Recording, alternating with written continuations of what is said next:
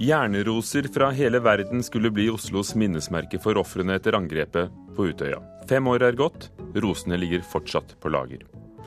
Dagen er kommet for rockestjerne Åge Aleksandersen. Prøve å bevare fatningen oppi det her. Sant? Det er jo en helt vanlig turnestart. Da. Og så er det en veldig uvanlig turnestart.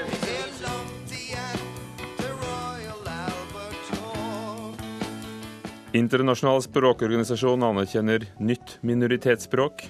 Vet du når Lars Christer begynne å spille?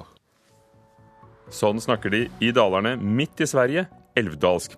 Og Fredagspanelet samles her i Kulturnytt i Nyhetsmorgen i NRK. Hjerneroser fra smeder over hele verden skulle altså bli Oslos minnesmerke for ofrene etter angrepet på Utøya. Fem år er gått, men rosene ligger fortsatt på vent i smia på Bærums Verk utenfor Oslo.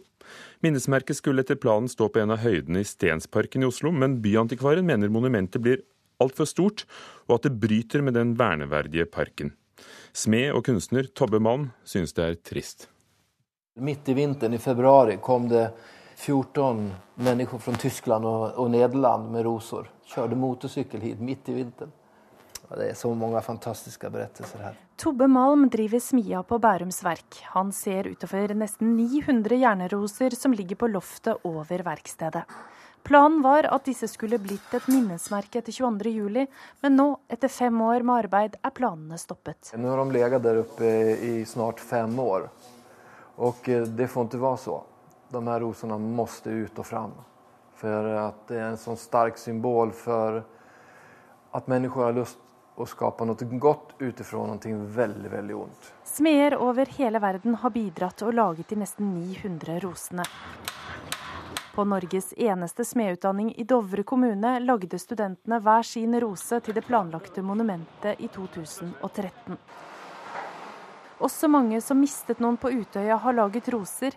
I en bøtte står rosene som pårørende har smidd. På denne rosen står det 'Alexander'. Og den er smidd av en av eh, pojkarna som var på Utøya, som overlevde. Og han har smitt den til minne om sin beste kompis som dog da. Alexander. Så hver ros har sin egen berettelse. På en av høydene i Stensparken i Oslo ønsket smedene at minnesmerket skulle stå. Men byantikvar i Oslo, Janne Wilberg, er ikke fornøyd med planene. Paviljongen den kommer her borte på brinken. Monumentet er 34 meter langt, og det består bl.a. av en vegg på eh, 20 meters glassvegg, som er nesten 3 meter høy. Eh, og det er veldig mye inn i denne helheten her.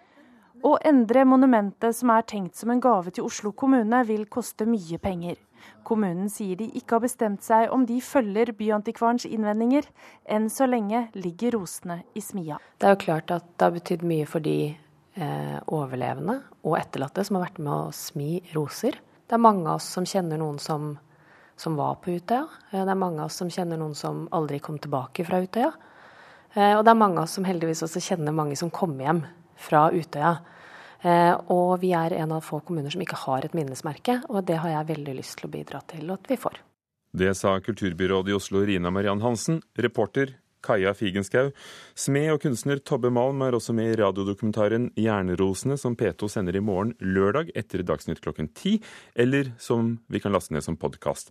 Der får vi høre hvordan prosjektet ble til, og hva arbeidet med Jernrosene har betydd for to av mødrene som mistet barna sine på Utøya.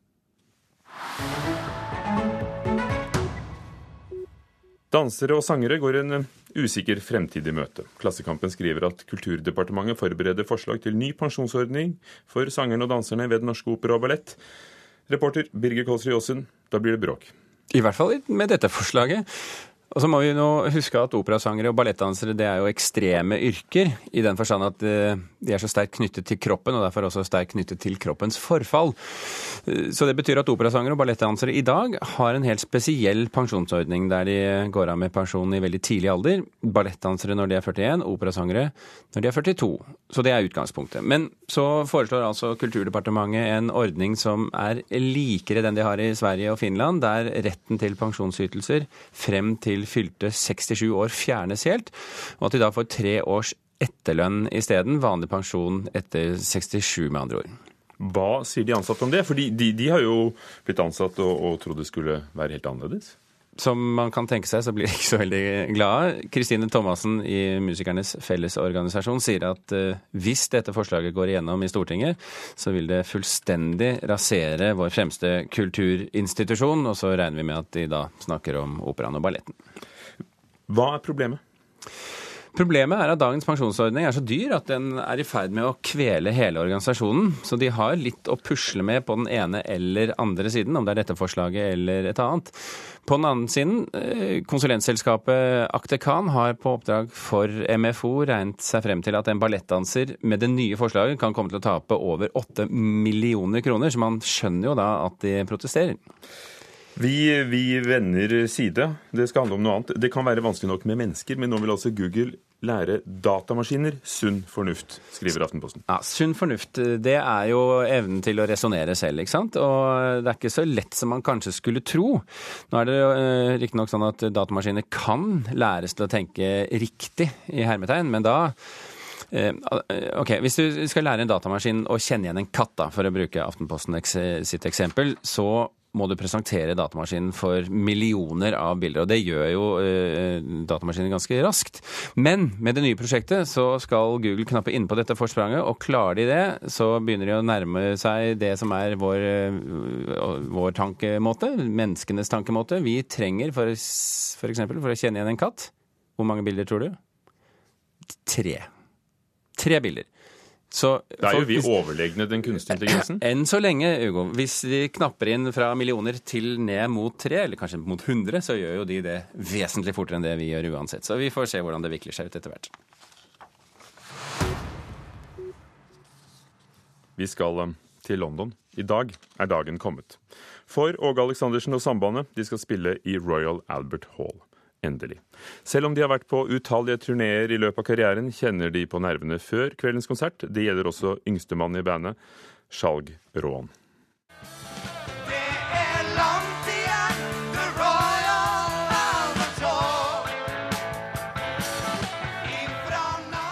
Jeg hadde en veldig spesiell drøm natt i går, så da skjønte jeg at nå har det begynt, den turnestart-nervøsiteten. Er det vanligvis sånn før turnestart, eller er det litt spesielt i år? Ja, det er alltid sånn før turnestart. Det, og før hver konsert, egentlig. Men klart, den første konserten vi gjør på hver runde, er bestandig veldig spesielt. Og ekstra i år, selvfølgelig. Men eh, jeg prøver, liksom, prøver å tenke på det som en vanlig konsert. Egentlig, jeg, tror, jeg tror ikke jeg tør å begynne å ta inn over meg hva det egentlig skal vi gi oss ut på for noen ting, for da, det er ganske alvor. Det var jo I 75 så var det fortsatt fem år til du ble født. Hvordan er det som måte, yngstemann sambandet å være med på en sånn stor greie som var stort for Åge før du kom til? Nei, det er klart at det er kjempesvært. Det, jeg, har ikke, jeg har aldri tenkt på at jeg nå skal spille i, i Royal Albert Hall. Og det, når vi nå faktisk skal gjøre det, det er jo helt fantastisk. Det er et privilegium av en annen verden. Du er redd for at det blir litt nedtur når dere kommer tilbake til Norge og, og skal spille på litt mindre plasser etterpå? Nei, ikke i det hele tatt. Det er, som, eh, det er ganske bred konsensus i, i bandet og, og, i forhold til det at den viktigste konserten er den nesten vi skal gjøre. Så eh, nå er det fullt fokus på det som vi skal gjøre her i morgen. Og så når vi er ferdig med det, så skal vi selvfølgelig nyte det og kose oss veldig med det. Og, og ta med oss en, en, helt fantastisk opplevelse hjem, håper vi. Eh, både vi og dem som skal på konserten. Og så er det Kirkenes neste. Om Åge Aleksandersen selv er nervøs, vites ikke for hans framtoning er like rolig og beherska som vanlig. Nå er jeg rolig, jeg nå. Prøver å bevare fatningen oppi det her. Sant, det er jo en helt vanlig turnestart. da. Og så er det en veldig uvanlig turnestart. men eh, sant, vi har jo forberedt oss i år som vi bruker å gjøre hvert år. Og håper vi kan gjøre en bra konsert i morgen. Skal du klare å toppe dette senere? Skal vi spille på Pål? f.eks. Det er jo virkeligheten vår. Nei, Kål er, ikke, kål er jo like eksotisk som Albert på mange måter. Men ellers så er det jo heim, da. Kirkenes, Hammerfest, Vinstra, Kål og hele landet i sommer. Eh, det er jo det, er det vi holder på med.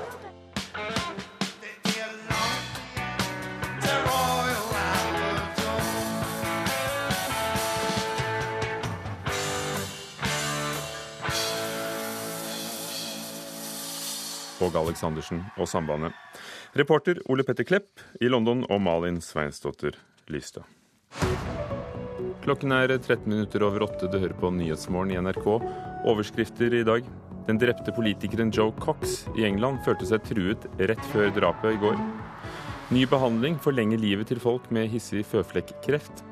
Og regjeringen dropper planene om søndagsåpne butikker. I Sverige er det blusset opp en gammel språkstrid etter at den internasjonale språkorganisasjonen Summer Institute of Linguistics har anerkjent den svenske dialekten som det har vært hittil, elvdalsk, som et eget språk og dermed minoritetsspråk. Dette vil ikke svenske myndigheter gå med på. Nå er det varmt ute her. Det snakkes ikke på islandsk og heller ikke på færøysk. Det snakkes på svensk, nærmere bestemt på dialekten elvdalska som flere bruker i den svenske kommunen Elvdalen i Dalarna, kun et steinkast fra den norske grensen. Det går å høre fornordiske, isländska, til og med engelske, som denne meningen. Fader kurgad audgane vindlogad, og såga ei sikle så engt fra tatsi. I flere år har folk i Elvdalen kjempet for at den unike dialekten skal anerkjennes som et selvstendig språk. Og for kort tid siden fikk de medhold av den internasjonale språkorganisasjonen Summer Institute Linguistics, forkortet SIL, som konkluderte med at elvdalska kan regnes som et minoritetsspråk. Det kjennes kjempebra. Det, det her er en kjempeviktig sak, tror jeg, både for språket og for älvdalingarna att, som har liksom blivit hånade och utsatta under mange, mange år. Det sier Bjørn Renstrøm fra den elvdalska foreningen Ulum Dalska til Sveriges Radio. Men kampen er langt fra vunnet. Svenske myndigheter anerkjenner ikke elvdalsk som et offisielt minoritetsspråk. Det har man helt enkelt ikke ja, in, in, Det har ikke fått et sånt erkjennelse. Forteller Jenny Spets, utreder i det svenske språkrådet.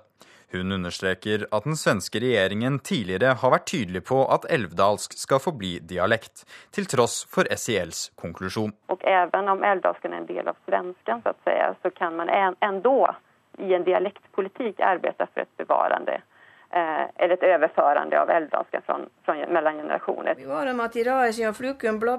Jeg vil, vil kjenne at f.eks. førsteperson flertall har jo da en um-ending, akkurat som de har i, på islandsk. En av dem som har kjempet for at elvdalsk skal få språkstatus, er Øystein Vangsnes, professor i nordisk språkvitenskap ved Universitetet i Tromsø. Han har selv forsket på elvdalsk, og mener at dialekten kan betegnes som et eget minoritetsspråk. Når du ser på avstanden fra elvdalsk til, til svensk, så er jo den eh, absolutt stor nok til at jeg kunne forsvare at det er en eget språk. Nå er det dags å vende blad. Hvordan sier han det på elvdalsk? Nå er det vende blad, det er dags for det nå. Enn så lenge er det bare fem offisielle minoritetsspråk i Sverige. Kanskje vil elvdalsk en dag bli en av dem, men for nå er det en dialekt som ikke er like lett å uttale for alle. Tykker at det ikke låter så svårt ändå når du sier det, Trevjan. Si det en gang til. Vet du når Lars Christer skal begynne å spille?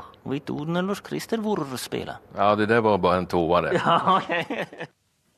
Brage Berglund om elvdalsk. Vår reporter, altså. Fredagspanelet er samlet her i Kulturnytt i Nyhetsmorgen. God morgen, Terje Eidsvåg, kritiker i Adresseavisen. God morgen. Carl Fredrik Tangen, førstelektor ved Høgskolen Kristiania og samfunnsgeograf. God morgen. Marit Moe Maune, regissør. Ja, hei. Hei. Under kampen mellom Frankrike og Albania, under øh, fotball-EM som pågår for tiden, falt spillerne som fluer på stadion. En rockekonsert med ACDC bare en måned før EM får skylden for denne skandalen. Også i Norge har rockekonserter tidligere ødelagt banegresset på flere fotballarenaer. Er det på tide å stenge de store fotballbanene for de store konsertene? Marit? Ja. Nei. Terje? Ja. Hvorfor ikke, Carl Fredrik? Dette er jo fort fotballstadion. Jeg syns at den som har problem, er den som ikke tåler at andre også er til, til stede. Altså, vi kan jo bytte ut fotball med noe annet isteden. Altså, det som trengs, er jo store arrangementer der folk møtes, og så trengs det arenaer og, som lokaler hvor mange, mange, Så du kan putte inn 20 000 personer uh, f.eks. Så jeg syns ikke fotball er en sånn særstilling at det skal komme foran. Og så skal liksom alt det andre, om det er musikk eller om det er turnstevner eller øh, korps eller hva søren det er, ikke skal få, skal få, være med. Så er det fotballen som må finne på et eller annet for at de skal være med oss andre disse, på disse arenaene, som jo også fellesskapet er med på å finansiere. Ja, men det må et visst skjønn inn, tenker jeg. Her var det jo snakk om at man holder en kjempestor konsert ei uke før. Det jobba med en bane kanskje et år, investert masse penger. Det er liksom litt som tullete. Eh, og gjør det, og ødelegger for det som er primærgrunnen til at eh, det ligger der. Det er samme som hvis eh, Stor diskusjon som har vært om operaen. Skal det være, Hvor mange konferanser skal det være, eller skal man primært gjøre ballett og opera? Og Det tenker jeg er innmari viktig også for fotballen, at når det investeres mye penger, så er det, det er mer det totalt upraktiske og uøkonomiske det som jeg reagerer på. Når det gjelder store arenaer, så mener jeg at vi kanskje mangler sånne steder. Nå har f.eks. Øyafestivalen eh, gjort noe smart og kommet et sted hvor det faktisk går an å ha store konserter. Eh, men, og operaen er det konserter på taket, men det er egnet, det ødelegger ikke for det som hovedsakelig skal foregå der.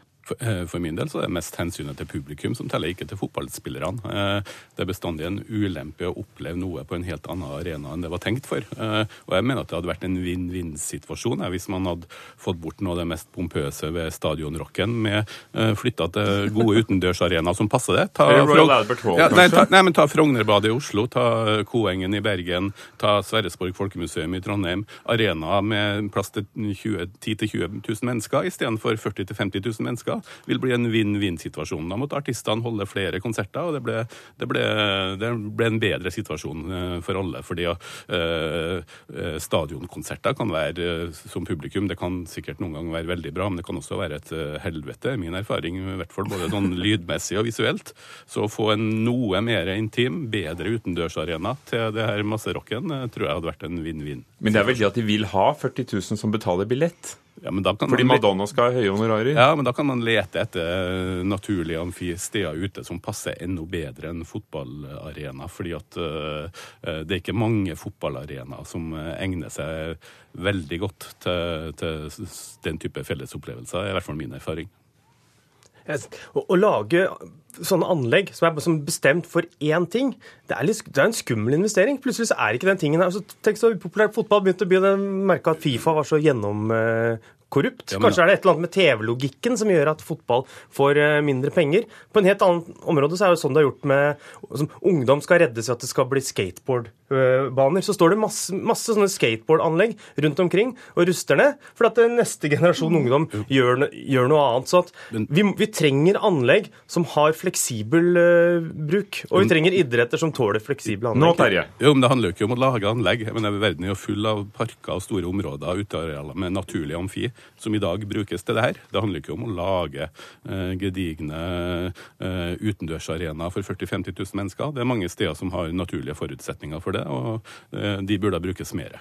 Romerne holdt jo på med dette med Bare tenk på amfiteatrene og Colosseum. De, de klarte det jo, de. Og nå skal vi nå skal vi klare oss uten anlegg? Ja, men de romerske anleggene var jo veldig tilpassa akkurat spesifikt det som foregikk der. Det var bare én Det var helt klart at det var akkurat spesifikt det som var laga for stedet, som kunne foregå der. Du kunne ikke putte inn en rugbykamp i et romersk anlegg, for da datt jeg med alle lørdagen. Og hvis slaven falt foran løven, så var det bare moro? Nei, og du var... slapp unna all fotballen? Ja, men ja, Jeg er jo ikke noe fotballmenneske, men jeg føler når jeg sjøl tilhører kulturbransjen, at jeg skal ha respekt for at det også ikke er spesifikt og like utvikla som det vi driver på med. Og så fikk du sagt at du syns det er for mye eh, konferanser og møter i operaen? Jeg vil ikke kritisere operaen. Jeg har en kontrakt med dem i 2017. Jeg håper de ikke sier opp den nå. Kulturturisme hørte vi om denne uken i Kulturnytt. Kulturturister legger visstnok igjen mer penger i Norge enn de andre turistene som bare, bare kommer for å fiske og, og, gå tur og sånn. Derfor bør kulturturisme være en satsing for reiselivet. Det mener Innovasjon Norge. Kulturlivet svarer flott, men da må også kulturen høyere opp på salgsplakaten. Over det bildet av Geirangerfjorden og Prekestolen, tydeligvis. Kan norsk kultur utkonkurrere norsk natur i kampen om turistene? Marit. Nei. Hæ? Jeg syns det, det, er et veldig delt spørsmål. Nei. Nei. Et delt eh, spørsmål. Du, Ja. du som produsent av kultur. Ja, altså, Dette er jo din sjanse. Ja, min sjanse. Jeg har jo stått sto senest i fjor og gjorde spillet om Hellag Olav på Stiklestad, som selvfølgelig trekker masse folk. Men det som er helt klart at de publikummerne som drar for å se Geirangerfjorden, de drar ikke for å se det spillet. Eh, Og det vi vet om, om kulturbruk, da, det er at jo nærmere du kommer landet, dvs. Si de næreste områdene til Norge, de bruker veldig aktivt kulturen. Men da må vi jo diskutere hva kultur, da? Hva er Geirangerfjorden uten det huset som er oppe i lia der? Eller den bevaringa som har skjedd med det? Eller maten? Var, jeg tok den turistløypa i fjor, og det er klart at der går folk i folk og følger, men de går jo også for å se kulturen rundt det hele. Så motsetninga fins ikke, mener jeg. Her tror jeg kanskje geografen kan rydde opp for oss. Jeg, jeg jeg er enig i at den motsetninga er en sånn konstruert eh, motsetning. Men selve argumentasjonen Altså, kultur skal være så lønnsomt. Er ganske sånn skummelt for kulturlivet. Hvis det viser seg at oi, nå kommer det, visstnok så var disse ikke-kulturoppsøkende turistene mer lønnsomme, ja, da kutter vi kulturmidler. Så at kulturlivet Det er jo så fristende. Og reiseliv er en sånn universalløsning på liksom vekst på steder som ligger litt uh, utafor. Så det er, litt, det er litt fristende å henge seg på at vi skal få bygg fordi turistene skal komme. Vi skal få spel fordi turistene skal uh, komme. Vi skal pusse opp gågata og få kjøpesenter fordi turistene skal uh, komme. For det første så skal det mye til at turistene skal komme, og for det andre så er det vanskelig å knytte egen, altså egen legitimitet, særlig for kulturen, til lønnsomhet. Det, det vil jo ikke være noe poeng i at kultur skal utkonkurrere natur. Tvert imot. eh, Kultur og natur virker jo i Norges tilfelle best sammen. Mm. Eh, Og, og med det prisnivået som er i Norge, så er kombinasjonen av eh, god mat, eh, eh, naturopplevelser, og også at det skjer noe interessant innenfor kultur, er, er jo et eh, Det drar jo i samme retning. Så, så mitt bastante nei er for at spørsmålet er, nesten urelevant, eller det er feilstilt. Det er ikke noe Still poeng. det da, still det riktig, er du det, snill. det er ikke noe poeng i at kultur skal utkonkurrere natur, men uh, kultur og natur uh, kan sammen gjøre Norge til et mer attraktivt sted for turister, og da er det samvirket og ikke konkurransen som er poenget. Altså Kultur også, men det som man kan bare si da, for nå sitter vi jo og snakker veldig ideelt her. Uh, um, det som er Poenget er at også kultur koster penger. Jeg har stått på Røros og laga en forestilling som heter Elden. Fikk nesten ikke offentlige midler, det var snakk om 25 000 et år. Og det er klart, det man kan si, er at hvorfor dro folk for å se en forestilling av det er 10 000-12 000 som ser den hvert år? Jo, det er jo selvfølgelig for at Røros ligger der. Så er det for at fjellet er der. Så er det for at det kulturarrangementet er der. Jeg tror det er lurt å støtte sånne arrangement. For jeg tror at da vil det komme mer folk. er praktiske. Men det arrangementet starta ikke med at noen sa nå skal vi finne på noe smart på Røros som skal være øko kommersielt og økonomisk. Det starta med en gjeng, et band som starta et spill. Og det samme med Per Gynt-spillet. Starta i små. Og det tenker jeg det at plukk opp de tingene, hjelp folk bitte litt i gang. Men det gjør jo ikke at Men folk vil fortsatt, turister langt fra, de kommer pga. naturen. Det gjør de i utgangspunktet. Men det ligger der som et fjellvann som venter på å få en turbin til er seg for å utnytte naturopplevelse og ressursen. kulturopplevelse samtidig. Alt mulig kan jo gjøres til turisme. Sellafield, eh, altså, atomkraftverk, er- blir et turistmål. Men turister vil jo se noe som de sjøl tenker er liksom annerledes, eksklusivt et eller annet, når de skal reise på den måten. Og vi i Norge så tror vi at eh, kulturen vår er liksom spesiell og verdt å besøke. Vi tror at naturen vår er spesiell. Vi tror at moralen vår er verdt å høre, høre på. Men utlendinger er, kan gå med på at naturen er spesiell. Det andre er mye, krever mye, mye mer å bygge opp. Terje, du hadde noe på tungen? Jo, nei, bakgrunnen for spørsmålet eh, er jo at eh, undersøkelser viser at eh, turister som, eh, som er eh, delvis for kultur, opplever kultur, legger igjen mer penger, og det tror jeg er helt riktig. Eh, Det er ikke cruiseturister som, eh, som er verken økonomisk eller eh, eh, de mest innbringende, eh, sannsynligvis i Norge. Det er folk som både er her, opplever natur og kultur. Derfor er det samvirket som er poenget. Ja, jeg har hatt folk boende hos meg som jeg bytter hus med, og sånn, og da kommer italienere opp. Og de kommer bl.a. for å se på huset på Fen. På arkitekten. Og det er Sverre 90 merkelige turister som kommer til Norge. Så det er klart at kanskje må man bare satse bredt på kultur, og så vil det bli et slags eh, effekt av det. Ja, det var noen rare italienere, må jeg si. Bergen tar mål av seg å bli nynorskhovedstaden på Vestlandet. Det gikk eh, bystyret i Bergen inn for onsdag. De var samlet etter et representantforslag fra Venstre. Og dagen etter så, så la de ned to av de fire skolene der nynorskelevene er i flertall. Har Bergen det som skal til for å bli Vestlandets nynorskhovedstad, Terje? Nei. Carl Fredrik? Nei. Marit? Nei. Hvorfor ikke? Det ligger jo der midt i Vestlandet, selv om de sier Jentenehytten. Ja, det, jeg har funnet ut at det eneste ordet de har A-ending på, det er fylla. det synes jeg er litt morsomt. Um, eh, men det er klart, eh, hvis du går til dem som på et vis er fyr, eh, fyrtårnene for nynorsken, f.eks. For forfatterne, så bor jo veldig mange av dem i, i Bergen f.eks. Og det er helt klart et nynorsk fattigmiljø og sånne ting, men det skaper jo ikke en hovedstad. Og det som vi hørte nå, at de nå legger ned skoler som har nynorsk som største, største mål, tyder jo ikke liksom på at det er sånn veldig satsing, da. Men jeg tror først og fremst det handler om at veldig mange der snakker riksmål. Eh, jeg tror at det eneste Bergen sannsynligvis er egnet til å være hovedstad for, er bergensere. Eh, eh, og det er litt godt ment, og jeg syns jo det er egentlig et godt tiltak. Og jeg mener at nynorsken trenger flere forkjempere, og hvis flere byer på Vestlandet kjemper om der, så, veld, så veldig bra. Men klart, nettopp det, de politiske realitetene som har slått inn samtidig her i den saken her, gjør det jo litt Gjør jo at det er lett å, å harselere litt over det her. Men, Nå må jeg skynde meg å si at bergenserne er ikke her for å forsvare seg. Nei, men jeg kan gjerne forsvare det. Det er en flott, flott, by, men jeg tror ikke de vil bli oppfatta av mange utenfor Bergen som nynorskens uh, hovedstad, selv ikke på Vestlandet. Jeg tror det er litt uheldig for nynorsken. Altså, nynorsk og protest mot alt det store. Det er jo sånn, uh, altså, Motkulturen er nynorskens uh, historie. Bergen er imot Oslo. Men Bergen er samtidig veldig sånn har veldig sånn lyst til å være på toppen av kulturen. Altså Festspillene i Bergen, eh, f.eks. Så at jeg, jeg skulle ønske altså, at nynorsken fant seg et, eh, en hovedstad som hadde mer motstand eh, i seg. Ikke en sånn der klatreambisjon, sånn som Bergen har. Hvor skal den ligge? Jeg ville heller hatt på Voss, da, hvis ja. det skulle vært noe. Aner ikke. Et eller, annet, et eller annet sted hvor det har vært landsgymnas, ville jeg hatt uh... Hele konseptet med å utpeke hovedstader oppfatter jeg litt sånn gammeldags. da. Så jeg synes jo, Men jeg syns jo liksom på, på, vegne av saken nynorsken, så syns jeg det er et, eh, et, et uh, fortjenestefullt tiltak. Selv om uh, jeg ikke har noe stor tro på at det vil få noe bredt gjennomslag. Takk skal dere ha. Fredagspanelet vårt. Terje Eidsvåg, kommentator og kritiker i Adresseavisen. Carl Fredrik Tangen, førstelektor ved Høgskolen Kristiania. Og regissør Marit Moum Aune. Fredagspanelet finnes også som en egen podkast, for det er veldig vinden. Det gjør også Kulturnytt. I dag har vi hørt at eh, de jernrosene som skulle bli Oslos minnesmerke etter Utøya, ligger fortsatt på vent og Byantikvaren mener at stedet der det skulle ligge, ikke er egnet. Kulturnytt var i dag ved Stine Traalt, produsent, Ugo Fermarello, programleder. Du hører på Nyhetsmorgen i NRK. Klokken er straks halv ni.